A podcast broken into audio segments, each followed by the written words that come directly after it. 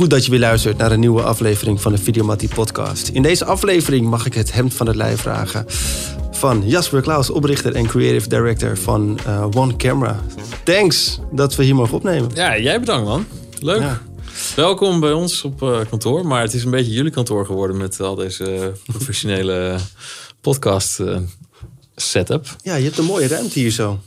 Fijn, we kwamen hier binnen en we zagen de lampen al hangen. Het is qua akoestiek helemaal Akoestiek, goed. ja. Dus we werden helemaal, uh, Ja. we werden helemaal blij hier. Nou ja, maar dat is natuurlijk een beetje een van die eh, corona-effecten geweest voor ons. Dat we merkten van, fuck, we moeten opeens veel meer videocalls doen en video dingetjes opnemen. Dus dan hebben we eigenlijk een ruimte nodig die ja, gewoon een beetje oké belicht is, waar het, waar het geluid een beetje goed klinkt. Want het kan toch niet zo zijn dat je een videoproductiebedrijf bent en, en je zit alleen al gewoon normale videocalls die je doet. Dan moet het wel goed uitzien. Toch? Ja, is een visitekaartje, tuurlijk. Ja, nou ja, dit, is- dit is wat, waar wij op zitten, zeg maar. Ja. Dus dan, dan moet het een beetje uitgelicht Ja. zijn en dan, ja. Dus zo doen we. Wat vind je van de videocalls? Nou ja, eh, mixed feelings natuurlijk. Hè. Aan de ene kant is het wel, eh, zeker in, in, in de context van creatief werk, eh, is het wel leuk om gewoon face-to-face. eh, eh, weet je wel, ik moet altijd aan die. ehm, ehm, van eh 50 Cent heb je toch van die rapper, heb je, die heeft zo'n liedje, EO Technology. Ja. I'm tired of using technology, zegt Mhm, hij dan. Weet je mhm. Daar moet ik vaak aan denken. I need you right in front of me. Weet je? Mhm. Is een oud lied Ja, intussen. is een oud lied, maar ik ben een oude gast ook. Weet je wel. Bedoel, eh, maar goed, hoe dan ook. Ja, maar het is ook wel praktisch. Want als ik kijk naar hoeveel kilometers ik vorig jaar heb gereden, was een stukje minder. En eh, dat betekent ook dat ik na vanavond veel tijd heb uitgespaard aan in de auto zitten natuurlijk. Dus eh, Wat wel grappig wat je net zegt. Dat is wel herkenbaar. Ik heb het ook een paar keer gehad. Dan heb ik zo'n heb ik zo'n call. En dan loop ik te kutten met mijn internet. Of ik veel Ja. wat. En dan gaat er iets mis. Dan denk je dat was het was één keer en nooit meer. Toen dachten we ook van. We moeten dit gewoon echt goed op orde krijgen. Want als, als videoman ga je af. ja, ja. nou ja, precies. Dan mag je zelf geen videomattie noemen, toch? Als Ja. je eh, loopt te klooien met je video. Ja, ja, maar Ja. leuk man. Dus thanks voor deze ruimte. We, we, kwamen, hier, eh, we kwamen hier binnen. En wat, gelijk, eh, wat ik gelijk opvallend vond, is... werken veel vrouwen hier bij, bij het bedrijf. Ja, ja, dat is niet een, een bewust iets of zo. Dat is een beetje. God, ik weet. Ik, eerlijk gezegd weet ik, weet ik niet hoe dat komt. Eh, tenminste, de, de praktische reden hoe dat komt is omdat we met elke vacature die we eh, eruit gooien. Ja, krijgen we echt. Is 90% van de, van de reacties eh, van de sollicitanten is, is, zijn vrouwen. En dat is altijd al geweest. Hè? Je zou kunnen zeggen dat het misschien inmiddels een soort self-fulfilling prophecy wordt. Maar Ehm, maar dat is altijd geweest. En ik, dus ik denk dat het een beetje het communicatievak is of zo, waar, waar relatief veel vrouwen in zijn. Aan de andere kant zijn, het is ook een beetje die producersrol. Hè, want als je kijkt naar eh, onze editor, onze animator, veel van onze stagiairs, zijn eigenlijk allemaal mannen.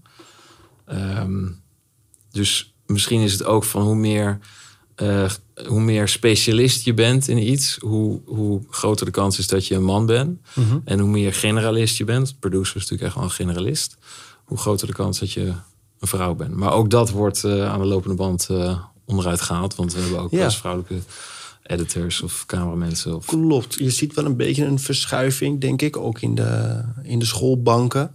Ja, ja, die verdeling is, is, is wel zo. Ja, ik, ben- ja, en ik heb ook niet. Ik heb ook niet echt een mening over of zo. Meer dan dat. Ik zei laatst. We hebben laatst nog een, een nieuwe junior producer aangenomen. Ook een vrouw.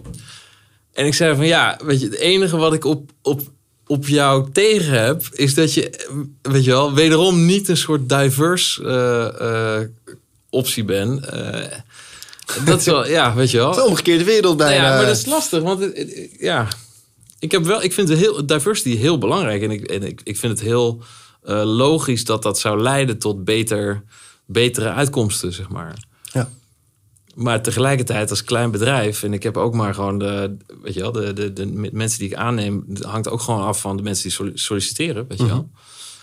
Ehm, dus ja, I don't know. Als iemand een goed idee heeft, dan vind ik dat, eh, hoor ik die heel graag. Ja. ja. Ja. Lieve comment. Ja, lieve eh, comment. Ja. Hey, ehm, eh, je had het net al een beetje over Videomatie. Je bent, zelf ook, je bent er zelf ook lid. Zeker, zeker. Van het eerste uur bijna, denk ik. Ja. Eh, nou, weet ik eigenlijk niet, maar wel... eh, Hier en daar wel wat al gehad ook? Wat zeg je? Ja, en- en absoluut. Ehm, maar ja, ik vind het vooral eh, een hele ja, het is een leuke community. Ehm, ik denk dat het. eh, ik denk, ja, voor, voordat Videomattie er was, merkte hij al een beetje dat er wel iets aan het ontstaan was in het landschap, zo gezegd. Eh, met eh, natuurlijk de DSLR Revolution en, eh, en Philip Bloom en dat soort, soort van bloggers die dan gingen praten over camera dingetjes. Ehm, en dat dat ook veel bereikbaarder werd. En ik denk dat het feit dat technologie steeds bereikbaarder werd en, en, en wijd verspreider werd, dat is, daar heb ik heel veel van, van, van het succes van één camera aan te danken. En Videomattie is een hele duidelijke soort van stap daarin geweest, denk ik. Die aantonen van, fuck, dit is een grote doelgroep aan het worden. Weet je wel, dit zijn veel mensen die ermee bezig zijn. Want het is ook fucking leuk. Dus ik, ik snap heel goed dat als je, als je toegang hebt tot camera en editapparatuur, dat, je, dat dan de, de, de, de drive om te gaan filmen heel groot is. Om Ja. je op die manier creatief te uiten, zeg maar. Is het succes van jouw bedrijf mede te danken aan die revolutie in, eh, in de videowereld? Ge... Ja, dat denk ik wel. Ja? Zeker. Ehm, zeker. En ik, ik, ik bedoel, ik weet, zeg maar, de eerste, laten we zeggen, twee jaar of zo, was, was het ook heel vaak onderdeel van mijn soort van salespraatje, als het ware, of mijn introductiepraatje, dat ik zei van, nou, we kunnen echt eh, hele vette dingen voor je maken voor relatief eh, weinig geld, omdat de apparatuur zo goed beschikbaar is tegenwoordig. Ja, want dat is ook waar. Hè? Ik bedoel, Ja. eh, als je kijkt naar alleen al edit software en een, weet je, dat je op een laptopje kan editen en zo. Dat was, nou ja, ik ben begonnen in 2008, maar in, ehm, ik denk 2005 was dat nog niet bijvoorbeeld. Of 2006 misschien zelfs wel. Het is echt heel snel gegaan. Opeens was Final Cut er en opeens was, eh, eh, weet je wel, eh, net zoals opeens was de 7 of de 5D er. Dat was ook volgens mij 2008. Nou, zoiets wel. Ja, Ja, ik weet ik weet niet precies, maar Final, ik, Ja. de eerste dingen, ik monteerde in Final Cut. Ja. En dat, nou, dat deed ik ook wel in 2006 al volgens mij. Hmm. Maar dat was wel nog best een vroege versie, zeg maar. Maar het is net zoals met, ook met de smartphone, weet je wel. Opeens was hij er en toen, pff, weet je wel, ook. Ja. Ja. En nu is het niet meer weg te denken. Mhm. Maar ehm, ja. En leuk toch als je ziet hoeveel mensen er ook bezig zijn met video. Nou, dat is wat ik zo vet vind aan Videomattie. Want daar aan Videomattie zie je dat gewoon aan. Weet je wel, je- en het mooie vind ik er ook aan dat Videomattie een heel kleurrijk gezelschap is van. eh, ja, weet ik veel, gasten die op de middelbare school zitten en eh, voor het eerst proberen om iets te filmen, bij wijze van spreken, met meer of minder talent. Tot eh, ja, dudes die echt heel eh, eh, ehm, ervaren zijn en heel lang meelopen en heel veel gezien hebben. Ja, en om de een of andere reden leidt dat in ieder geval in mijn, mijn ervaring ervan tot best wel positieve gezelligheid. En, zeker, eh, zeker. Ja, er wordt ook wel wat, eh wat, wordt wat wel- gezeken hierin. ja, natuurlijk. Maar, niet, maar, Maar- ja, ik vind Maar er wel- wordt ook heel veel gegund. Er wordt ook ja, daarom. heel- Want dat ja, vind ik echt ja. vet hoor. En, eh, en als ik zeker van die post van.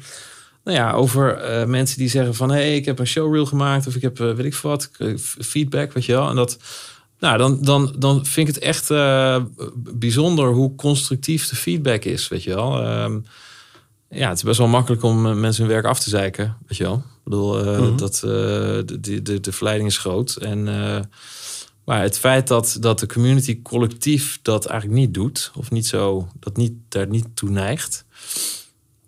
Ja, dat vind ik heel veel zeggen over, over onze sector, weet je wel. Is- vind ik een feel good ding. Ja, toch? Ja. Ja. Heb jij ook eh, eh, iets of, of iemand gehad waar jij je aan kon optrekken? Of eh, waar jij hulp van... Neem eens even mee naar eh, 2007. Dus hè, voordat je 2008, begon. ja. maar dus... Nou, het is- wa- ja. wa- hoe is het zo gekomen dat je, dat je dit werk bent gaan, gaan doen? Ehm, nou, ik werkte voor, voor TMF, hè, de muziekzender, onderdeel van MTV. Ehm, bestaat nu niet meer, maar ehm, was, ja, was een hele leuke plek om te werken toen de tijd. En wat heb je gestudeerd daarvoor? Ik heb psychologie gestudeerd, maar ik had tijdens mijn studie had ik een stage gelopen bij TMF. Gewoon omdat het me leuk leek om bij de televisie te werken, dus ik was gaan solliciteren bij wat plekken. En ik was op een aantal plekken ook aangenomen. En dat Eh, mocht vanuit psychologie. ja, het was gewoon een soort lange bij. zomervakantie die ik had. Dus het was niet in plaats van een semester of zo, maar het was gewoon in de zomervakantie. Ik had een Oh, lange zomerperiode Ja, tussen ja. mijn bachelor Ja, ja. en mijn master. En hoe was het om daar te werken? Nou ja, dat, dus ik, ik, ik, ik, kon kiezen tussen een aantal plekken. En waaronder Weekend Millionaires bijvoorbeeld, weet ik nog. Nou, dat leek me lachen, maar ook weer niet zo leuk. En MTV of TMF leek me het leukste.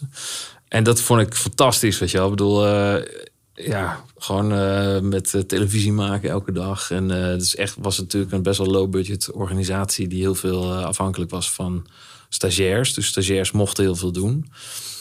Um, maar waar, waarom sprak dat je zo aan? Nou ja, dat weet ik niet. Ik denk de, gewoon ehm, eh, eh, het feit dat je zeg maar, eh, een, een bepaalde hoeveelheid mensen bereikt en daar dingen mhm. tegen mag vertellen en, en mhm. die kan entertainen. Mhm. Dat idee vind ik, heb ik altijd heel, heel gaaf gevonden. Ja. En um, nou ja, muziek. Ik bedoel, ja, ik was dan ook 23 of zo, 24. Dus dan is muziek gewoon wel iets waar je heel erg mee bezig bent, toch? Um, en later ben ik, uh, nou, toen ben ik af gaan studeren. Toen heb ik in New York aan de filmacademie van NYU een, een uh, half jaar uh, vakken gevolgd. En toen ben ik gaan werken voor MTV of TMF als redacteur. En uiteindelijk eindredacteur. En um, ja, en op een gegeven moment... Um, mijn droom was altijd om, om een eigen bedrijf te hebben. En wat ik voor mijn gevoel daar bij, bij TMF had geleerd was om. Ik was eindredacteur van de korte content, zeg maar. Dus van de itempjes, de, de instartjes. Dus ik had met, met een aantal editors en freelance cameo's en freelance editors. Ging, maakten we gewoon, uh, ja, wat zal het zeggen, een stuk of 15 filmpjes of zo per week. Uh, als content voor de programma's. En dat was best wel een soort machientje wat, wat, uh, wat lekker werkte. En toen dacht ik van, nou, dat, dat kan ik dus. Dus ga kijken of ik dat als, als mijn eigen bedrijf kan doen. En in eerste instantie dacht ik daarbij nog dat ik dat zou gaan verkopen. Ik had helemaal niet zo goed plannen. ik had ook niet gespaard of zo. Het was een beetje, het was best. Uh, ja. Uh, maar je zegt toch niet van de een op de andere dag: ik ga, ik ga uh, ja, wel, dit proberen te verkopen aan bedrijven? Nou, oh nee, zo. Nee, nee. Dus ja, dus ik dacht in eerste instantie: ik ga dit gewoon voor, voor televisie dingetje maken. De eerste dingen die ik had gemaakt waren ook zo. En toen via via raakte ik in contact met, uh, met de Rabobank, de, het, het, hoofdkantoor, zeg maar. Ja. En die hadden uh, ja, ook allerlei behoefte aan filmpjes. En die zaten daar een beetje mee, want eigenlijk wilden ze, zochten ze iets wat niet zo duur was. Ze had niet zoveel budget dat ze via een reclamebureau of een communicatiebureau dat helemaal professioneel wilden doen. Maar het alternatief voor hun was een beetje van ja, dan moeten we.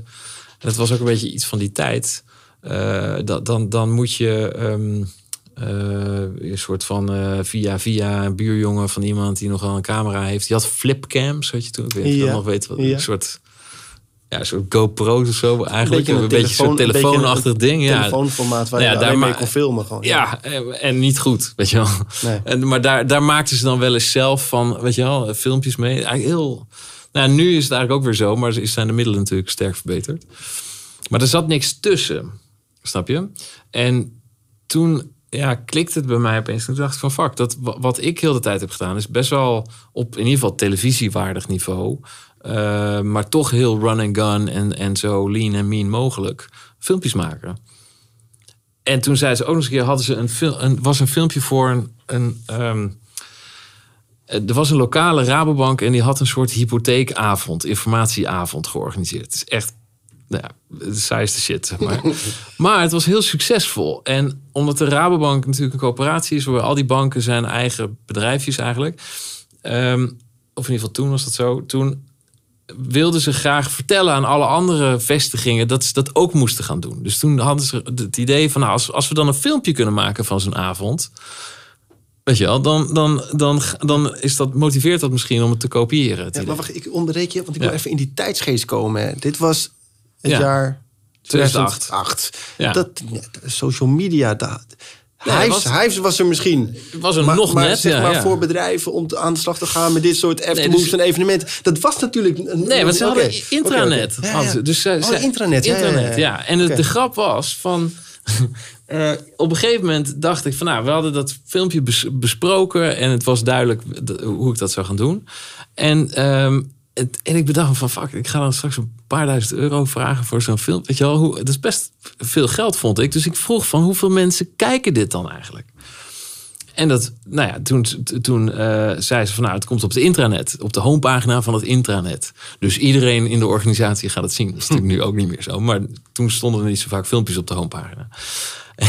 En toen vroeg ik van nou, oké, hoeveel mensen zijn dat dan? En toen zei ze nou, 60.000. Zijn trouwens ook niet meer zoveel. Maar toen waren er nog 60.000 mensen bij de Rabo. En mijn referentiekader was TMF, waar we, nou ja, uh, als je de kijkcijfers zou bekijken, denk ik 30, 40.000 mensen per uur of zo, weet je wel. Dat, eh, dat, was, dat was al prima. Dus ik dat 60.000, fuck, weet je wel. Dat is uh, de moeite waard, dat is een publiek. En, en dat was een beetje, eh, dat, dat, daardoor viel het kwartje een beetje van, oké, okay, het, is, het is best wel een markt eigenlijk. Als ik dit, uh, en toen ben ik vervolgens, ben ik, heb ik bij, bij, bij Camelot heb ik een dolly gehuurd. En zijn we helemaal overkill. Ze hebben zo'n avond waar zeg maar tien mensen op klapstoeltjes zo aan het luisteren waren naar een hypotheekpraatje. Dat was natuurlijk vreselijk op te filmen.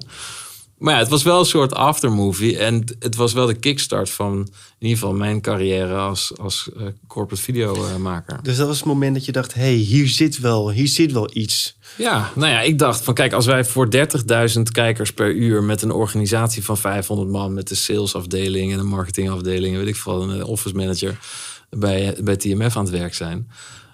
Ja, dan is het wel dan, is dan moet het ook wel mogelijk zijn dat ik er met eentje voor die 60.000 man bij de Rabobank filmpjes maak. Weet je wel? Dan moet ik dan wel genoeg aan geld aan kunnen, voor kunnen vragen, zeg maar. Dus dat was het, uh, het begin van jouw avontuur eigenlijk. Ja, ja. En uh, wat, wat gebeurde er in de volgende, volgende periode? Nou ja, toen uh, merkte ik natuurlijk dat ik op een gegeven moment voor de helft van mijn omzet ja, filmpjes voor de Rabobank voor één klant aan het maken was. Oké. En dat was, in de Rabobank zaten toen hele lieve mensen, die mijn, mijn contactpersonen waren heel, heel uh, ja, ik was natuurlijk uh, jong pikkie en wist eigenlijk helemaal niet wat ik deed. En die zeiden van Jasper, even met je praten. Um, even afspreken. Dan namen ze me mee om te gaan lunchen ergens. Kan nagaan, weet volgens mij is dat ook niet meer uh, standaard. En zeiden ze van, ja, we vinden dat je erg goed werk doet. En ga zo door. Maar één ding moet je veranderen. Je moet namelijk meer opdrachtgevers hebben dan alleen de Rabobank. Je kan niet afhankelijk zijn van de Rabobank. Ik zei, ja, oké, maar... Eh, oké. Okay. we gaan je helpen. Wauw. En toen, ja, en toen hebben ze me toch, ja, weet je wel, zo'n soort van netwerklinkjes gelegd. En uiteindelijk, nou ja, toen...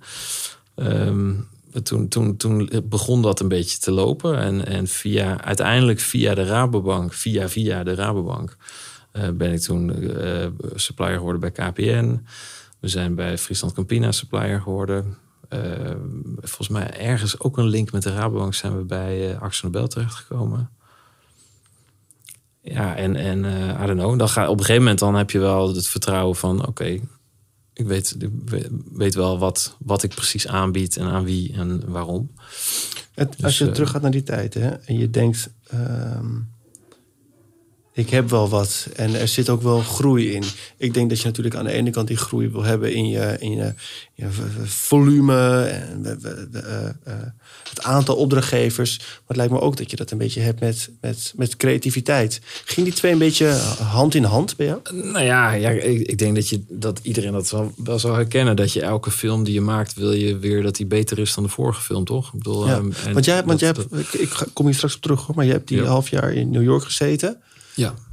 Daar was je niet bezig met een, uh, met een hypotheekavondregistratie. Nee. Daar ging het om storytelling. Mooi, dat, ik, weet niet, ik weet niet of het zo is. Nee, dat is zeker zo. Ja, dat ik kan me wel voorstellen dat je dan op een gegeven moment zo'n zo'n mooie kans krijgt met toffe opdrachtgevers. Dat je eigenlijk iets hebt van ja, wil gewoon mooie dingen maken. Nou ja, dus de, de, getuige het feit dat ik die hypotheekavond ging filmen en dacht van fuck, hoe kunnen we dat nou nog mooier maken? Laten we een dikke vette dolly. En het was echt zo'n doorway dolly, weet je wel. Dus niet zo'n soort slidertje zoals je nu hebt. Maar het was, ik moest een bus huren om de dolly mee naar de, naartoe te, uh, naar die hypotheekavond. Dus ook al was dat de hypotheekavond, daar staat ook ja, wel de drive van... ik moet het filmpjes maken, weet je wel. Ja, ja, en, precies. Uh, ja, um, ja, dat was gewoon uh, was, was mooi, weet je wel. En uh, ik heb. Uh, Want dat zit echt in jouw DNA, maar dat zit ook echt in het DNA van One Camera. Zeg ik het goed, One Camera? Of zeg je één camera? Ja, ik zeg één camera. Eén camera, ja. Tenzij ik met iemand Engels ja. praat, dan zeg okay, ik One ja. camera. Maar de, nee, maar dat zeker wel. En um, ik moet daarbij ook credits geven aan, aan Hugo Keizer, regisseur, waar we echt, of waar, die ik ook kende vanuit, vanuit TMF. En. Um, ja, die, waar ik helemaal in het begin, hij was een freelancer. En, eh, en weet je wel, eh, we, we hadden vaak. Ik had hem gewoon gebeld op een gegeven moment, omdat ik freelancers nodig had. En met hem en ook nog wel met eh, een andere regisseur, Michael Grijven. Die, eh, ja, twee jongens waar ik, waar ik toen echt alleen maar avonden en middagen het had over van oké, hoe kunnen we het nog vetter maken, weet je wel. En dan hadden we weer, had Philip Bloom weer een filmpje gemaakt op internet en zaten we, oh, hoe kunnen we shit, die 5D, weet je wel, oh, die moeten we hebben. Snap je? En, en ik denk dat dat wel, ehm, kijk, ik bedoel, ik, ik heb natuurlijk met mijn, eh, met mijn compagnon Paul eh, eh, eh, hebben een camera, maar en daar werken heel veel vrouwen, maar ook best wel veel mannen.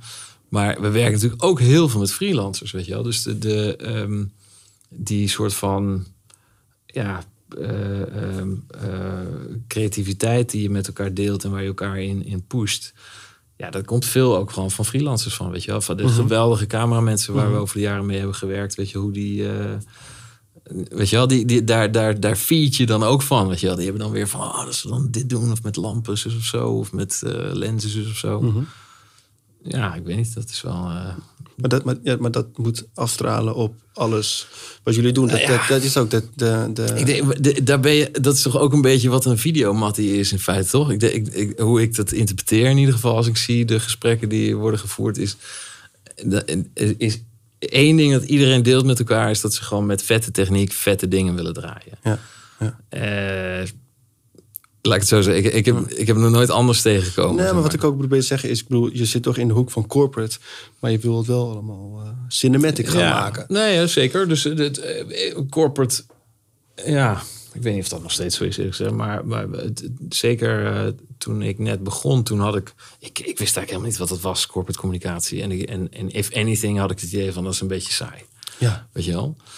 En ik weet niet of mensen dat nog steeds denken, ongetwijfeld. Maar, maar ik denk dat het wel meevalt. Zeg maar. wat, ik, Ja. wat ik er heel vet aan vind aan corporate communicatie, in tegenstelling tot bijvoorbeeld marketingcommunicatie, is dat corporate communicatie gaat altijd over een bedrijf in de echte wereld, waar echte mensen werken, die een bepaalde footprint hebben, die een bepaalde impact hebben op een omgeving, goed of slecht. Of, maar in ieder geval, het is een re- reële impact. En in tegenstelling tot ja, veel marketing, zeg maar, veel van zeker de lelijke reclames die je op tv ziet. Ja, die gaan gewoon over een of ander fucking product, weet je wel. En die zijn gebaseerd op een soort psychologisch mechanisme waarvoor dus, dat ervoor zorgt dat als jij in de supermarkt staat, dat je dan net aan dit merk denkt en niet aan dat merk. Of net dit herkent en niet het andere en dan eerder geneigd bent om te kopen. Dat vind ik de- vrij weinig storytelling, zeg maar. Ja. Dus ik heb psychologie gestudeerd, notabene. Dus ik, ik kan wel voorstellen dat er psychologisch hele interessante dingen achter kunnen zitten. Maar het is niet. Ik heb het gevoel dat corporate communicatie eigenlijk wat echter is of zo, weet je wel? Ja. Of wat meer. eh, ehm, ja, gewoon. maar over- is misschien een vooroordeel, dat zei je net ook. Hè? Mensen denken misschien het is een beetje saai. ja. Ja. Maar als, jij, ik ben ook jij hebt in ieder geval niet saai gemaakt. Nee, Ik maar ben dat is wat ik zeg. Jij, hebt zeker wel het tegendeel eh, eh, bewezen.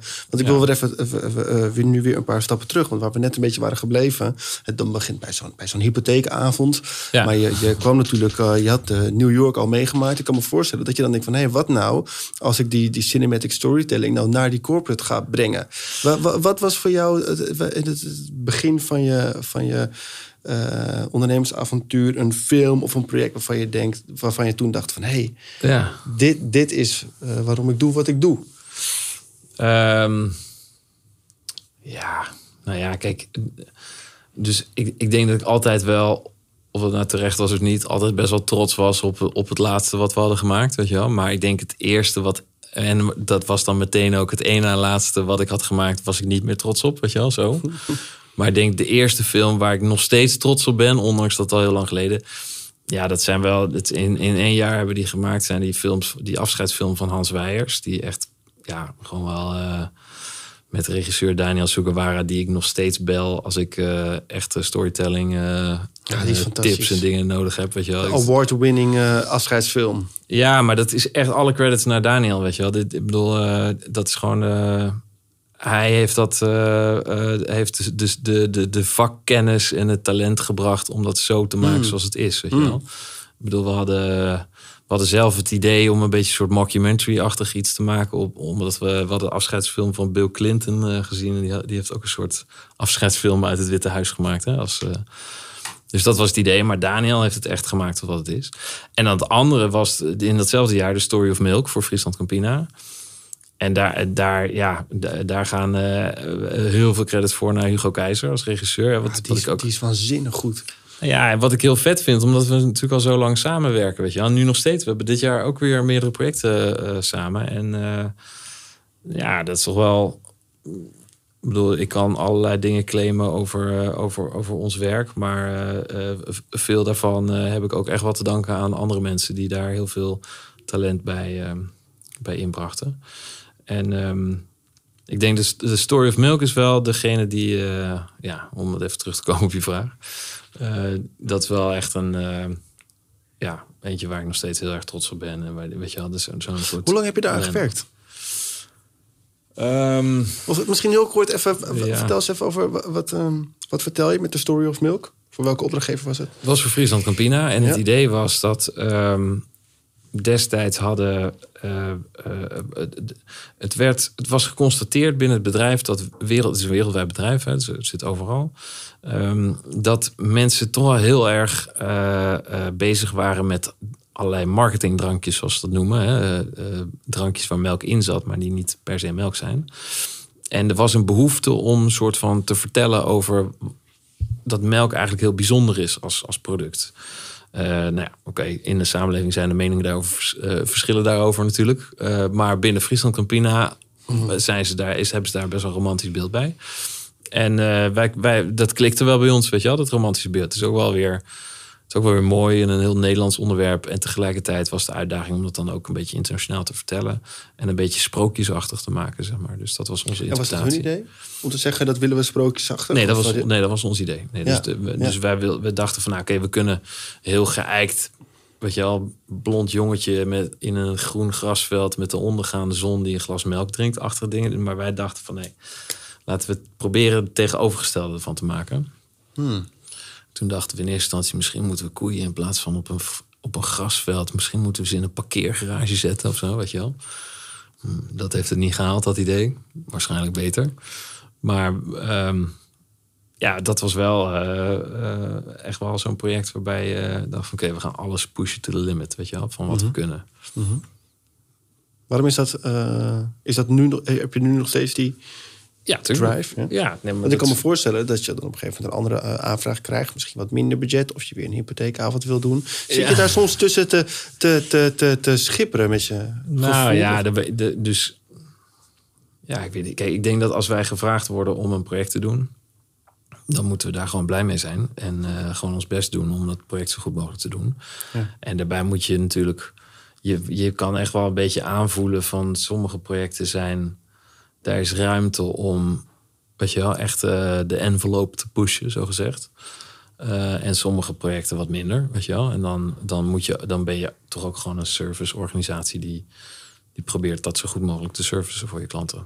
Ja, en zo onderhoud je zo'n relatie. Want je had het net over relaties met, met eh, regisseurs. Maar die heb je natuurlijk ook met je, met je, Klanten. op- met je opdrachtgevers. Ja. en je kla- Nee, Dus, zeker, natuurlijk. Dus, en dat moet je ook eren, toch? Ik bedoel, Doe je nu bijvoorbeeld nog steeds dingen voor Rabobank en Friesland ja, Campina? zeker. Ja, ja. dus eh, ja, I don't know. Eh, we zijn eigenlijk nooit echt een, zeg maar, zo'n grote corporate klant zijn we nooit echt kwijtgeraakt of zo. Ook omdat we, het zijn natuurlijk niet soort exclusieve contracten zoals reclamebureaus dat hebben voor een x aantal jaar. We- Wij doen gewoon filmpjes, dus het is ook, we zijn ook een beetje onkruid wat dat betreft. Weet je wel. het is moeilijk om eh, er vanaf te komen. Je hebt niet die megacontracten. Maar je, Nee, bent, maar je bent nee. wel in zo, binnen zo'n organisatie. Dan, dan, dan eh, op een gegeven moment de mensen die, eh, die weten dat jullie gewoon de Ja, je go-to partij je- zijn. precies, partij zijn. je, je, je, je bouwt gewoon je, je reputatie op door eh, hard te werken en je best te doen, toch? Ik bedoel, Wa- waar zit dat succes in de manier waarop jullie die relatie onderhouden met, eh, met opdrachtgevers? Ja, dat, nou ja, dat, wat ik net zei, je, moet, je doet gewoon je best en je werkt hard, toch? Dat is de, en, en, en soms gaat het goed en soms gaat het wat minder. Weet je wel? En soms krijg je daar de schuld van en dan leidt de relatie daaronder. En soms krijg je er niet de schuld van en dan is het prima. Ehm, maar er is niet één, eh, één soort van eh, truc of zo voor, weet je wel? Dat, eh, ik denk dat je gewoon... ja, oprecht moet zijn en, en, en, en, je, en altijd moet pushen dat je, dat je, je je werk beter en beter en beter maakt. Want dat wil denk ik een opdrachtgever ook. Hè? Die, die, die, ja, die huren jou ook in omdat ze denken dat jij ergens goed in bent. En, dan, en je bent ergens alleen maar goed in als je gewoon constant blijft pushen. Ehm, en ja, en verder moet je ook gewoon servicegericht zijn, toch? En gewoon, Ja, eh, ja. nou oké, ze bellen mij voor iets, ze zitten ergens mee en ze bellen mij omdat ze denken dat ik dat kan oplossen. Mhm. Dus dan, als ik business wil doen, weet je, als ik zaken wil doen en, eh, en een relatie wil, wil onderhouden, dan moet ik toch dan mijn best gaan doen om dat op te lossen wat ze willen oplossen. Ja, ja. En, en ook wel. En ik denk dat dat ook wel opvalt. En eh, ik bedoel, ik. ik denk dat, dat, dat- daar, daar groeit de gunfactor ook steeds. Wat je net vertelde over Raadbank, dat vind ik zo bijzonder. Dat zo'n Ja. zo'n opdrachtgever zegt van jeetje, die gast, we gaan hem helpen, weet je wel. We gaan hem een kruiwagen. Ja, nee, moet net- er echt, we- eh, we echt, gaan ons eh, netwerk eh, ja. openstellen. Ja, met name was een vrouw, Linda van wil even shout-out naar Linda. Ja, het was... Ik, ik denk niet... Ja, dat weet ik niet zo goed. Maar ik, ik, ik denk eerlijk gezegd niet dat, ik, eh, dat, dat het zo was gelukt, zeg maar. eh, om in dat eerste jaar... eh, want ik had natuurlijk ook... Ik had helemaal niet een goed plan of zo van, oh, toen ik ging ondernemen. Dus ik had ergens in mijn hoofd ook nog zoiets van... Oké, als nou binnen drie of vier maanden echt helemaal nog steeds niks... Dan, dan moet ik misschien gewoon maar weer gaan solliciteren, weet je wel. En dan, fine, whatever. Ik had niet zo hoge kosten, dus weet je wel. Maar ja, dankzij Linda had ik het vertrouwen van... ah, mm, mm, maybe. Mm, weet je wel. Eh, kijk het nog even drie maanden aan, Ja, weet je wel. ja, ja. Misschien nog even zes maanden. Ja. En eh, ja, nou ja, goed. Ik, dat is, eh, ik heb al heel lang niet meer gesproken. Ik ga daar vanavond even een mailtje Werk je nog bij de Rabobank? Nee, al lang, Nee, al niet, meer. niet meer. Nee, nee, nee. nee. Nou goed, we, we, we, we, we- business going well. We- Het klantenbestand groeide. Je hebt een Ja. portfolio, parel, de story of milk. Je wint, je, je, je, je wint allerlei Ja, dat is prijzen. relaxed, want dat is ook een voordeel van een goede portfolio hebben, is dat je daar echt, weet je wel, dan kan je iets laten zien, weet je wel. Als mensen, eh, ja, daarvoor is het toch een beetje fake it till you make it. En in zekere zin blijft dat misschien altijd wel een beetje, want soms zeg je van, ah, laten we zo'n film maken, maar die heb je dan zelf nog nooit gemaakt. Dus dan moet je, weet je wel. Dat, ja. ik bedoel, zo word je ook beter in dingen, toch? Maar dingen gaan goed. Ik zie een hele mooie stijgende lijn in volume en in creativiteit. Maar is het, hebben jullie ook eh, donkere dagen eh, gekend? Eh, op een gegeven moment neem je een kantoor. weet Je, je gaat mensen aannemen. Laat ze even een paar grote stappen nemen. Nou ja, ja, ja zeker. Eh. Nee, dus ja, nou, eh, oké. dus ik heb wel in het begin, eh, de eerste jaren, ging het eigenlijk wel eh, ja, veel eh, sneller en beter dan verwacht. Hè. Ik bedoel, ik, ik was begonnen, maar eigenlijk binnen een half jaar had ik het al zo druk dat ik een goede vriend vroeg van, eh "Hey man, kan je me een beetje helpen? En dat is uiteindelijk nu mijn compagnon. Eh, een half jaar later kreeg het zo druk dat we nog een derde vriend erbij vroegen. Die werd ook compagnon. Ehm, en tegelijkertijd is, eh, nou ja, weet je wel, het is, ze zeggen van eh, werk nooit met je vrienden of familie. Dat zou ik niet zeggen, want ik vind dat heel, eh, ja, ik heb daar heel veel eh, eh, goede ervaringen mee. Maar uiteindelijk waren we met, met de derde compagnon een beetje een soort van uit elkaar gegroeid, wil ik niet zeggen. Maar hij, hij had toch iets andere ambities zeg maar, voor zichzelf dan dat we het idee hadden dat goed zou zijn als, als, als mede-eigenaar en directeur van één camera. Dus dat begon een beetje te wringen, weet je wel. Ja, ik bedoel, dat, dat je, je hebt toch een. eh, ehm, je moet toch voor één ding gaan, zeg maar. Niet voor twee dingen tegelijkertijd. Dus ja, dus, dus we hebben toen over een zeer, weet je in, in goede sfeer, zonder ruzie of wat dan ook. Maar we, zijn toen uit elkaar gegaan. En dat, ja, dat, eh, dat, dat zijn niet dingen die, weet je wel, daar, daar heb je, daar, dat, dat, dat, daar lek je best wel veel tijd en aandacht aan andere dingen van.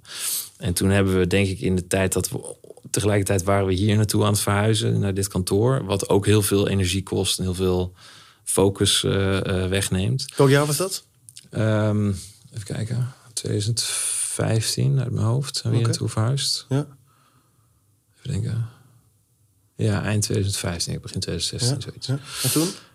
Nou ja, en, en dus dat lekte. Toen ging eh, eh, onze compagnon eh, vertrok. Een jaar daarna, denk ik, was dat uiteindelijk. Maar goed, dat gaat dan ook met heel veel ja, legal dingen die je moet regelen, weet je wel. ja. eh, onderhandelingen.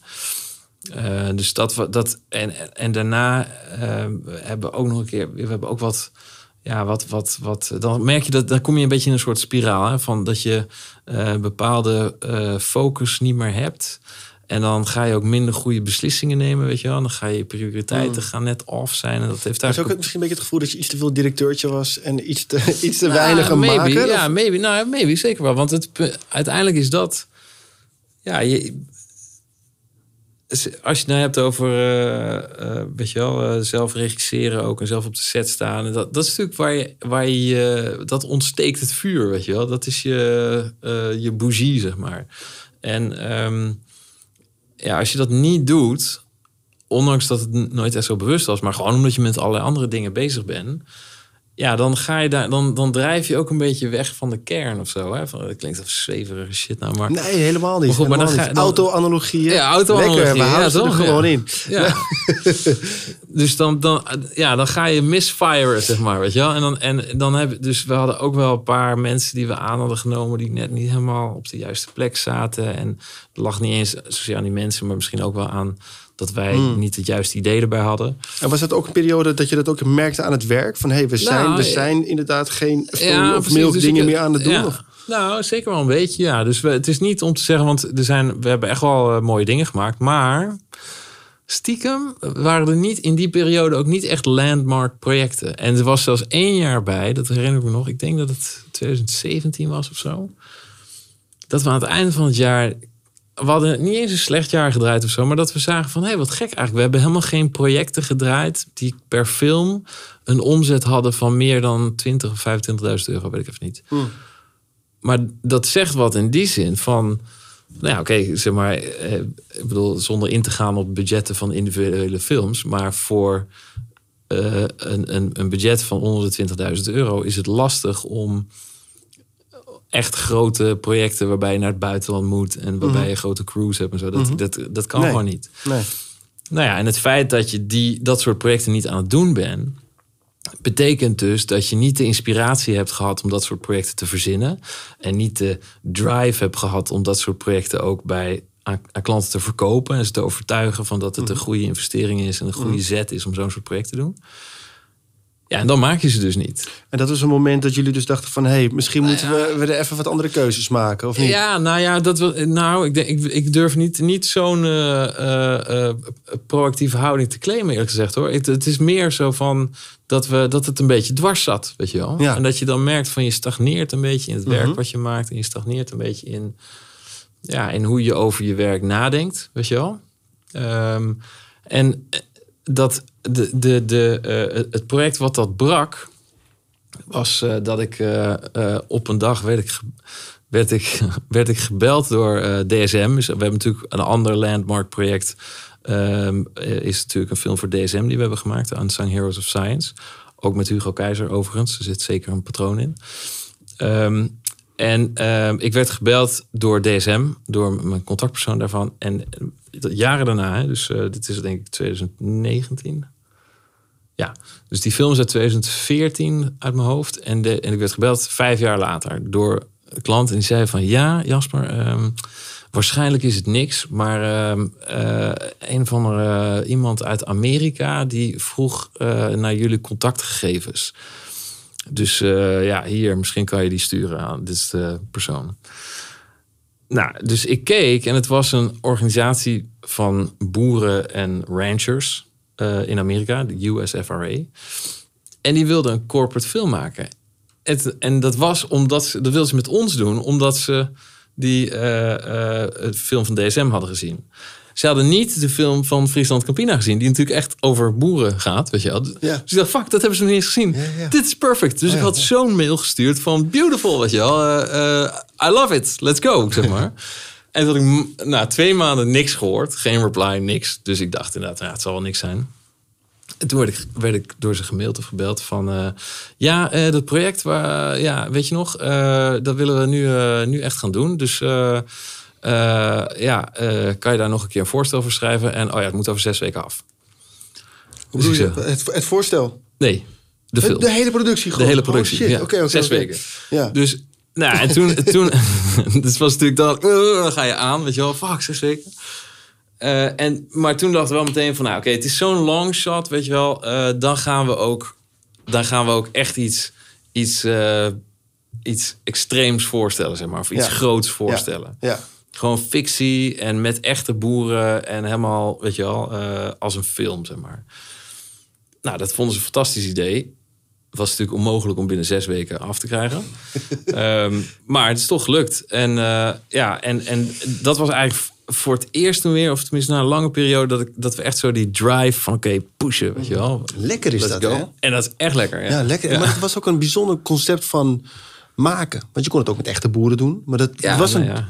Oh, ja, hoe zou je het omschrijven? Die, die Ja, dat weet ik eigenlijk niet. Ja, ze hebben, zelf noemden zij het altijd een docu-drama. Een docudrama, Ja, oké. I Dus het is... dat is een soort hybride vorm van een documentaire en een drama. Dus ik, het Ja. is natuurlijk met de echte mensen en een echte verhalen. Dus in die zin documentair, maar dan wel gedramatiseerd. Ja, het is een beetje zoals Peter R. de Vries, hè? Gewoon eh, van die eh, nagespeelde scènes, Reconstructies, ja, ja, ja. Weet je wel. Zo zwart-wit en er staat zo'n reconstructie. dat is eigenlijk wat het is. Wacht even, we scheppen nu een heel verkeerd beeld van die film. nee, hij we is hebben- echt ja. fucking mooi. We hebben zo geïnspireerd door Peter R. De Vries hebben we toen een film gemaakt. Ja. Nee, Ja. nee maar die is, die is echt waanzinnig mooi. Ja. Ja, nou thanks. Ja, en, en, dat- maar goed, maar dus... En eerlijk is eerlijk, zeg maar, na die film, toen we daarmee bezig waren... toen klikte pas van, fuck, weet je wel. Dus dit is wat er eigenlijk dwars zat. Van, als je niet focust op de, gewoon het, het vak en het maken... En, de, en, en vette dingen, vette verhalen vertellen... en mooie beelden verzinnen en draaien. En, en eh, ja, dan... dan eh, in ieder geval in mijn ervaring, dat, dat is wanneer je een beetje af gaat glijden, weet je wel. En, en ehm, ja, daarom ehm, ja, vinden wij dat gewoon wel heel belangrijk. Ja, en in de corporate communication lijkt het me nog extra lastig. Kijk, ik bedoel, als je... Jeetje, hoe moet ik het zeggen? Als je bijvoorbeeld fictie maakt en je hebt met fondsen te maken... en dan, dan Ja. is dat je, je, je, je base reality of zo, snap je? Ja, dat, lijkt me een hele moeilijke reality. Dat is wat je, wat je gewend, dat is wat je Ja. constant aan het, aan het najagen bent. Terwijl als je in de corporate communication zit, heb je soms ook gewoon de pet op van directeur. Ik heb een bedrijf, dat is aan het groeien. Ja. En je hebt met het budget. Want dat zei je net ook al, creativiteit eh, heeft gewoon wel te maken met budget. Maar dat kan je jezelf misschien ook soms gewoon aanpraten. Of ben je dat niet met me eens? Is het niet soms dat, je, dat het ook gewoon vooral te maken heeft met tijd? nou, ja, Want je hebt hier die Arie liggen, je hebt hier de mensen, je hebt... Snap je? Dus het- niet alles is production value, nee, toch? Nou ja, ik- Doe je wel eens specwork? nou, niet zoveel. Wel, wel, wel eh, niet zoveel. Want ik kan me ook voorstellen, net hadden we het een beetje over die creatieve dip. Dat je op een gegeven moment denkt van... ja, maar waarom doen we het eigenlijk? We willen weer die Ja. creatieve drive voelen. Dat je denkt, weet je wat, fok het even allemaal. Ja, hadden we Wij moeten doen. Nou, goed idee. Volgende keer doen we dat. dus, nee, absoluut. Ja, we, dat hebben we niet echt gedaan. Ik denk omdat, omdat we dus de focus niet hadden om dat te, te bedenken dat we dat zouden moeten doen. Mhm. Maar wetende met wat ik nu weet, denk ik dat de volgende keer als zoiets zou gebeuren, dat ik dan wel zeker. Ja, ik denk van je moet toch wel. weet je, wel, al kijkt niemand ernaar naar de film die je maakt. Maar het is gewoon zeg maar, het proces van het maken. En weet je wel, echt ervoor gaan. En, eh, en, en het maximale uit je middelen halen, weet je wel, daarin. Eh, dat is gewoon waar je... Nou, dat is de bougie, weet je wel. Ja. De- En leerzaam. Als ze zeggen wel eens van, je leerzaam, bent zo goed als je laatste werk. En je, Ja. je trekt aan wat je natuurlijk eerder hebt gemaakt. Dus ik, Ja. eh, daarom zou ik zoveel videomatties ook willen aanraden van... eh, ver- probeer geld soms eens te eh, vergeten en vol te gaan voor ja. een, een creatief Nou eindproduct. en- omdat je bedoel, dan meer van dat gaat aantrekken. Aan toch? mijn compagnon vragen, maar wij, hebben wel, wij hadden wel een stuk meer winst kunnen maken als we niet zo, gewoon door de jaren heen, als we niet zo altijd die drive hadden op van fuck it, we gaan gewoon, Eh, het is niet begroot, maar we gaan het toch doen. Fuck. Oh ja, ja, je ja. wel. ja. Heerlijk, heerlijk. Ja, dat is natuurlijk dom als ondernemer ergens. Maar aan de andere kant is het ook slim als ondernemer. Want als je dat wel doet met het idee van... oké, dat leidt dan ook ergens toe. Mhm. Ehm, en het motiveert de mensen... of het eh, weet je wel, geeft inspiratie om eh vettere dingen te maken. Ja, ergens belandt dat dan toch wel weer op je showreel, zeg maar. Of op... eh, nou is het niet een argument wat te gebruiken kan worden door opdrachtgevers. Zo van, nou, je kan het toch op je showreel zetten? Want, weet je wel, dat is natuurlijk niet hoe dat werkt, Ja, weet je wel. Het is, niet, het is per definitie iets wat je alleen zelf kan besluiten of je investeert in je showreel. Dat kan je niet voor iemand besluiten. Zo van, ah, maar doe gewoon gratis, man. Goed, goed voor Ja. de showreel. Ja. Dat is goed voor je showreel. ik zou het gewoon gratis doen. Nee, dat is natuurlijk niet hoe het werkt. Weet je wel. Mhm. Maar goed, dat zullen veel videomatties eh herkennen. Die, eh, Mhm. ja. Of doe deze gratis, maar dan de volgende. Dan Ja, eh, nee, heb man, ik nee, ook nee, zo'n nee, klassieker. Ja, ja, Nee. ja. Nee, dat is lastig. Dat is echt een. Ja, ik, dat is natuurlijk ook wel waar best wel veel over wordt eh, gesproken, heb ik het idee, op, eh op Videomattie. En ik denk dat het vet is dat Videomattie er is om dat soort dingen te bespreken. Want als je dat alleen maar helemaal in je eentje moet bedenken en daar een weg in moet vinden, dan is het moeilijk om context te krijgen, weet je wel. Want je je zit dan toch eens in een soort zwarte doos zelf. Maar het is natuurlijk wel het lastige aan ons vak is dat het, dat het teamwork is. Dat is leuk eraan, maar het is ook lastig in de zin van dat je ja, het kost altijd geld, weet je wel. Het is een relatief duur ding om te maken, vergeleken met een PowerPoint of met eh, een stuk tekst of een foto zelfs.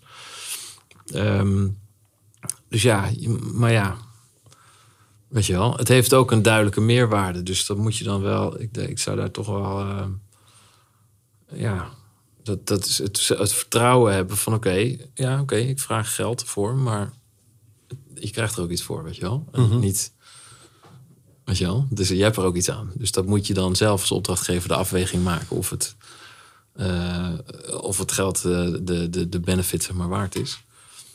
Maar ik denk niet dat dat aan de maker is om daar een soort concessie in te maken van, ah oké, dan doe ik het wel gratis.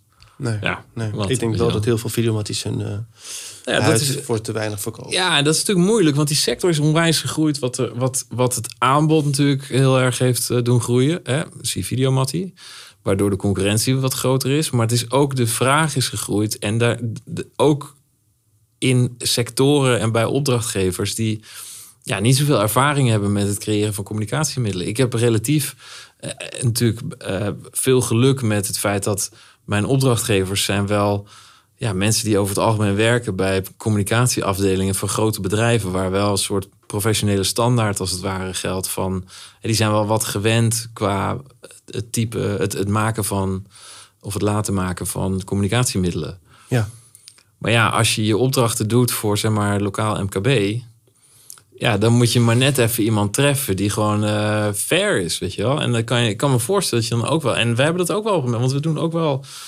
Ja, eh, we- weet je wel, onder zoveel tijd doen we opdrachten voor, voor kleinere bedrijven.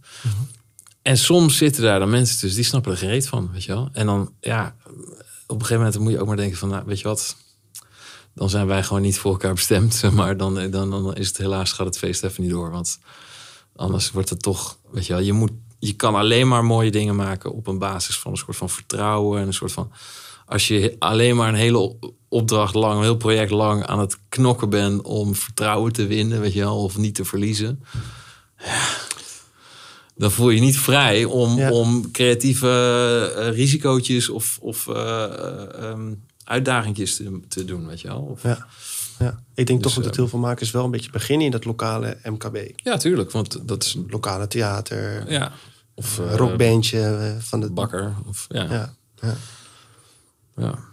Maar dat is geen reden om geen mooie dingen te maken, volgens mij. Nee, want dat gaat natuurlijk. Kijk, als je.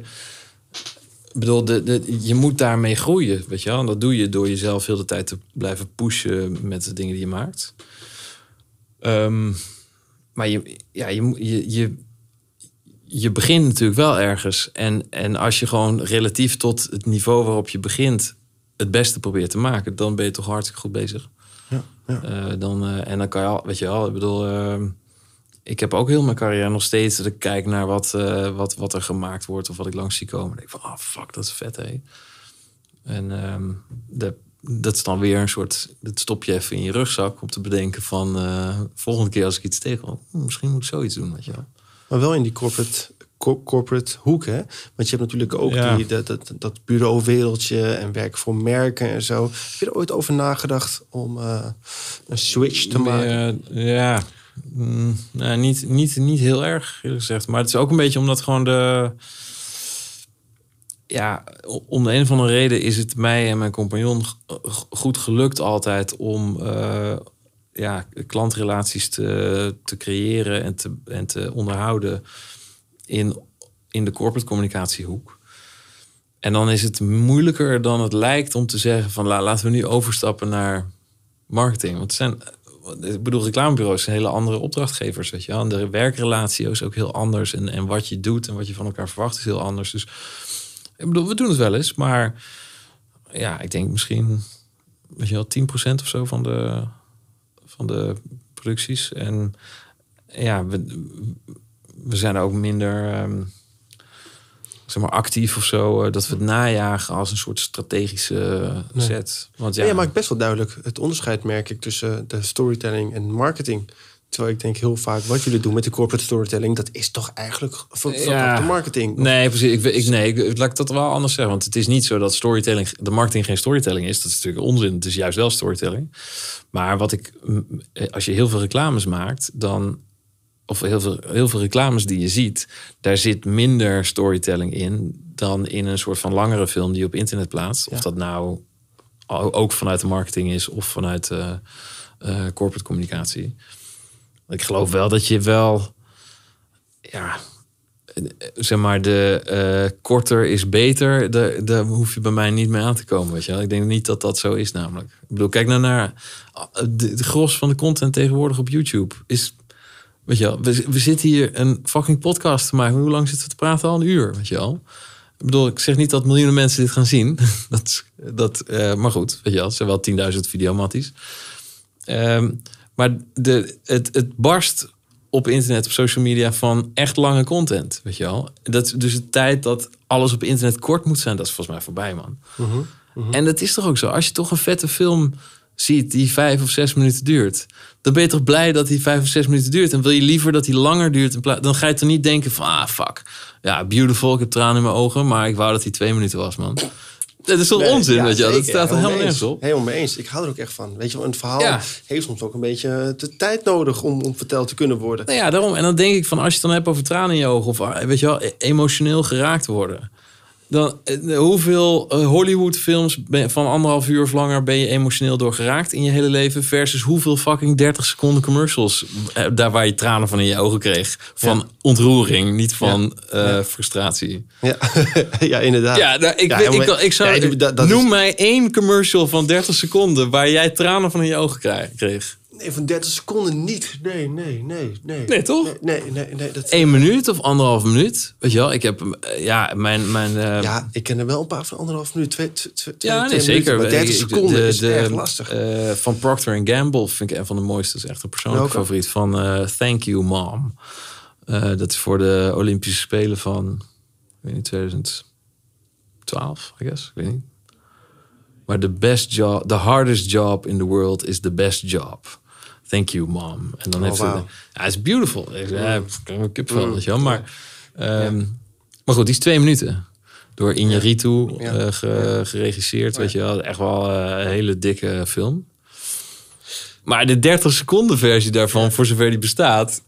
Ja, ik kan me niet voorstellen dat... Ik moet me opeens nu bedenken van... Ja, er zijn er misschien wel een paar van 30 die dat wel een beetje doen. Maar dan bedenk ik me. Die zijn allemaal origineel twee minuten inderdaad. Nou ja, kijk naar... eh, wie, wie maakt nou ook weer... Hoe heet het bureau ook weer? Die, eh, die altijd hele mooie kerstcommercials en zo maken. Pink, Pink Rabbit? Is dat Pink Rabbit? Eh, dat zou, zou, zou kunnen. Ja, nou, die, die maken vette dingen. Shout-out, weet je wel. Eh, en, eh, en ook eh WeFilm bijvoorbeeld maken super mooie dingen. TBWA ook. Die doen volgens mij heel veel Nou ja, maar die maakt niet zelf natuurlijk. Hè, maar dus die... die, die, die Oh, je bedoelt het productiehuis? ja, de productie, Ja, ja, ja. De, de, de makers. Ja. maar. De, de mooie versies daarvan, dat zijn toch de anderhalve minuut versies. Zeker, ja, niet, man. Niet de Ja, shit ja, van ja, 30 ja. seconden. Ja, dan denk je van... Wat nou was nou laatst ook wel een super mooie commercial. Die, die eh, van, eh, wat is dat, van de, van de loterij. Dat, dat hij zo dat lot dan uiteindelijk aan een jonge, jonge oude man heeft een Ja, ja, loterijlot. en die geeft hij ja, dan aan de... Ja, ja, ja. Dat is ook van TBA volgens mij. Ja, die is ook Ehm, van TBWA. Ja. ja, de eh, lange versie werkt. De korte versie... Ja, nee, dat is een frekkel. Oh, van het, dat is het hondje Nee, of nee, Of die nee, dat was een of egel. Je hebt een hond, je hebt een egel. En die laatste was een... Nou, je ziet het la- patroon. de, laatste Ja. was, de laatste was een Ja. kat. Beestjes, dieren werken ook goed. En, Ja. eh, maar die laatste met die kat, dat is inderdaad dat hij dat lot dan weggeeft aan het kat- andere. Ja, oh ja, want hij heeft... Ja, een Nee, zwarte dat- kat. Die, die als hij die kat ziet... brengt zo, geluk, brengt ongeluk. Nee. Zo. Hoe dan ook. Ik bedoel, de, de, eh, de, ver- de volle versie ervan... Ja. Die is mooi, weet je wel. Dat is een verrijking voor de Mhm. wereld. De 30 seconden versie I don't know, misschien hebben ze wel veel meer loten doorverkocht. Dat zou kunnen, weet je wel. En in dat geval uh, gefeliciteerd, weet je wel. Maar vanuit een makersperspectief ben ik daar niet in geïnteresseerd. Ja. In, in, in, ik bedoel, ik ben heel erg geïnteresseerd in het resultaat van films. En ik zou dan ook de corporate communicatie, corporate videocommunicatie sector oproepen om met mij meer na te denken over hoe we beter kunnen meten wat het resultaat is van onze films. Dat vind ik echt wel, als ik nou één even plug mag maken, zeg maar, zou, dat, dat mis ik al tien jaar. Eh, meer dan zeg maar YouTube views. Ehm, maar de films die we maken, een van de, laten we zeggen, doelstellingen of KPI's zou toch wel moeten zijn van dat je op een bepaalde manier eh, het voelt in je hart. de, de film, weet je wel. Want dan werkt het verhaal. Is ook te meten. Is dat weer Nou, niet eh NSP of... NSP, dat is- nee, Ja. NPS. NPS, toch? Is dat de, Net promoter score. ja, toch? Daarmee me- meet je... Ja, dus dat me- zou ik, maar het, het meer punt is meer dat ik denk wel dat het kan, maar ik, Ja. ik denk dat er veel te weinig gedaan wordt. Maar deze Dus- wilde je even pluggen. Dat, die, die, die data Ja. zou je wel Ja, willen, met name hebben. ook de opdrachtgevers, zeg maar, en de dingen. Het is gewoon een. eh, ik vind dat we dat eigenlijk te weinig doen. Ja. Want als je kijkt naar een commercial, daarvan wordt.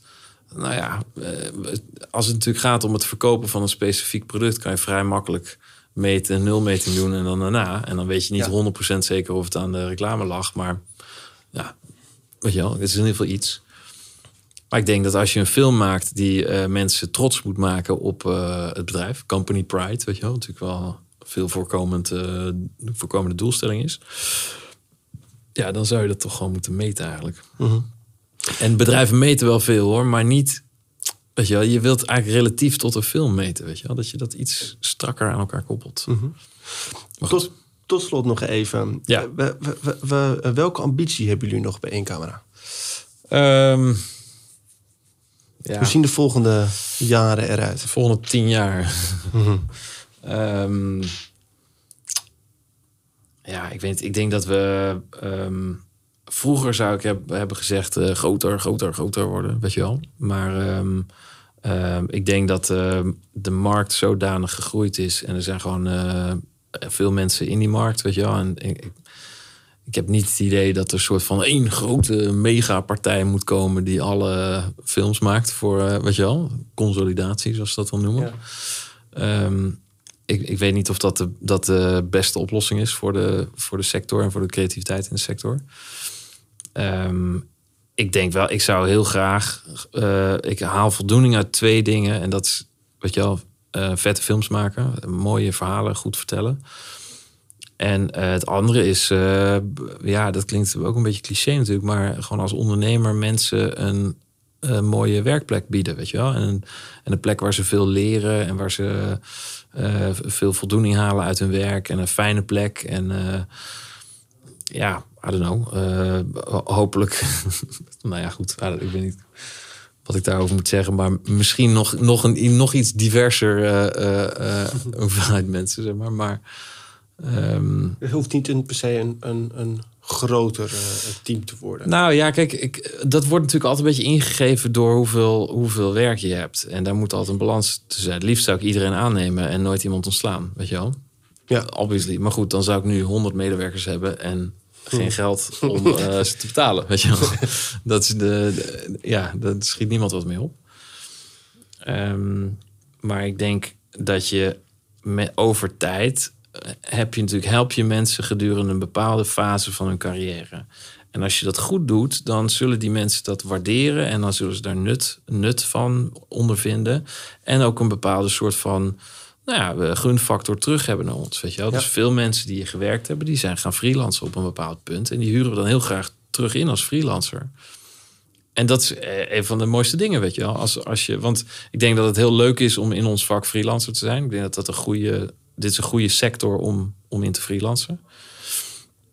En, en dan is het toch vet als je, als ik, als ik hier, weet je, stagiaires en zo, maar ook mensen die hier een tijdje vast in dienst hebben gewerkt, die dan hier ook weer rond langskomen als, eh, ik bedoel, het meisje wat daar zat te editen, die heeft hier gewerkt in dienst de hele tijd en is nu freelancer. Dat is toch fantastisch? Ja, dat is leuk, leuk. want dan heb ik, heb ik iets, heeft één camera iets kunnen bijdragen aan, aan, aan, aan haar carrière.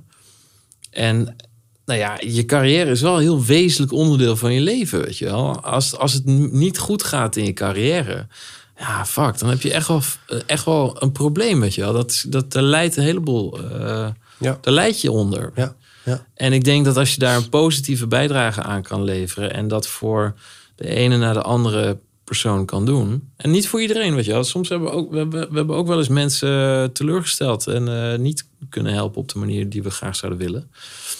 Maar over het algemeen, als, de, als je de meeste mensen... eh, een waardevolle ervaring biedt... ja, dat is een ambitie, weet je wel. Mooi man, goed gesproken. En de creatieve ambitie?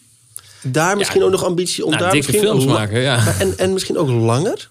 Want we hadden het net een beetje over Ja, duur. oh ja, zo. Ja, nou ja, oké. het Oké. Het komt opeens in me ehm, op. eh. Ja, ik, ik, gek ik heb het idee dat ik nog niet. Ik ben 40 geworden vorig jaar, dus ik voel me wel een beetje ouder inmiddels, weet je wel, dat is confronterend. Maar ik heb toch het idee dat ik nog te jong ben op een bepaalde manier, of te weinig levenservaring heb om echt wel, om echt grote films te maken, weet je wel, gewoon speelfilmachtige films. ja? Ja, omdat ik denk van, dan moet je, eh, dan moet, dan moet ergens uit een, uit een diepe plek komen of zo, weet je wel. Daar, daar moet, eh, ja, en ik weet niet of ik, eh, of ik al genoeg, eh, nou, ik ben sinds vijf jaar vader. Dat is een, ja, dat, dat, dat, dat shit die echt een diepe impact maakt natuurlijk. Maar als ik dan nadenk over zou ik een vaderschapverhaal kunnen vertellen, dan blijft het nog redelijk cliché hoor, eerlijk gezegd. Dus dat, Maar goed, de gemiddelde leeftijd van iemand die een eerste featurefilm maakt... Dat Nee, is dat, ouder, dat, is, hoor. dat is ouder dan 40. Ja, dus wat dat betreft ben je nog jong. Nee, ja. maar dat Ja, weet precies. ik, Nou, ik hou ervan- weet ik toevallig. Ja, Nee, maar- je moet jezelf zien eh, tot, relatief tot iets waarin je jong bent. hè. Je moet niet ambiëren om een voetballer te worden of zo. Want dan ben je vanaf je 18 al oud. ja, weet je wel. afgeschreven. Daarom. Regisseur daarentegen, tot je 50ste ben je echt nog jong. En, maar, maar is dat dan, wat voor, wat voor film zou dat dan zijn? Want je, wat je zegt, dat moet vanuit een hele. Dat moet vanuit diep. Nou, een mooi Maar als je verhaal, toch gaat luisteren naar dat stemmetje, wat, wat voor film zou dat, zou dat dan zijn voor jou? Nou, een film die, weet je wel, eh, eh, wat ik al zei, wat ik ook belangrijk vind voor de films die we nu maken, is dat het, dat het je raakt, weet je wel. Dan, heeft, dan heb je iets betekend voor iemand. Toch? Of weet je wel, je moet erom lachen, of je hebt eh, een soort, je krijgt er kippenvel van, of, of een soort rush, of, of tranen in je ogen. Dat, weet je wel, dat soort reacties, maar best wel fysieke reacties in feite. Ehm, als je dat teweeg brengt, en of dat nou in een paar minuten is of in een paar uur, nou, dat, dat, dan heb je iets betekend. Weet je wel, je hebt toch als je een film hebt gezien die dat heeft bewerkstelligd, dan onthoud je die en dan, vind je, dan denk je van, wow, beautiful, weet je wel, nice.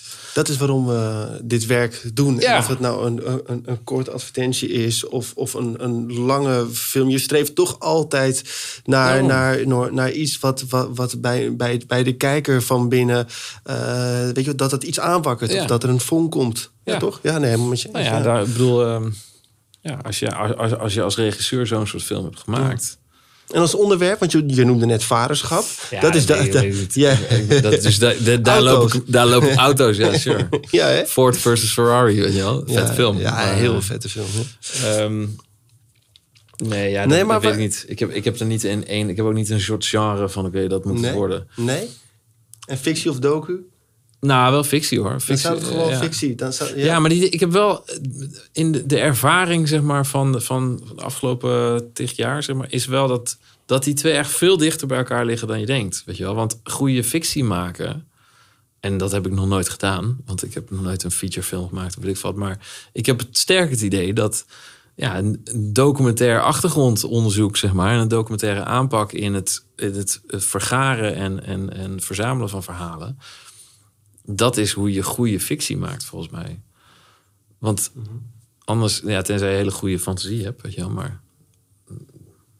Nee, maar de, de, de, de Story of Milk is in heel veel opzichten ook fictie. Ja. Of, of, Eh, zou- ja. zou je dat niet... van- ja. Ja, maybe, ja, Het is- voor story een beetje wel. En je werkt toch met acteurs, je hebt een draaiplanning. Je, Ja. Qua, qua, qua, qua, Nou, proces qua proces lijkt het er wel op. Ja, en qua format. Ja, eh, ehm, Qua vertelling misschien niet. Dat ben, nee, klopt. ja. Geen- nou ja, kijk, het idee van die. We hebben wel een soort backstory voor de voice-over verzonnen toen. En een beetje vanuit dieren. eh, Dus het is, het is wel meer een fictie aanpak dan een documentaire aanpak. Ja, I don't know. Ik, ik, Maar Jasper, we gaan dat zeker in, eh, in de gaten houden. Want ik ben daar Mooi, wel man. heel erg, heel erg benieuwd naar. Jasper Klaus, één camera. Dankjewel uh, uh, voor dit fijne gesprek. Ik ben helemaal geïnspireerd. En ik hoop Ja, de, de videomatties ook. Tevens ook. moet ik nog even bedanken. eh, de techniek, Jeroen Ja, ja. Dekeling. eh, camera, eh, eh, Igor, eh, daar Mihos en. Elijah. Daar zijn ze allemaal. Ja. Daar zijn ze. Eh, en natuurlijk onze audiotechnicus Misha van Waterschoot, die dit altijd, eh, altijd eh, mooi eh, eh, eh, bewerkt. Eh, dankjewel voor het luisteren en tot de volgende aflevering.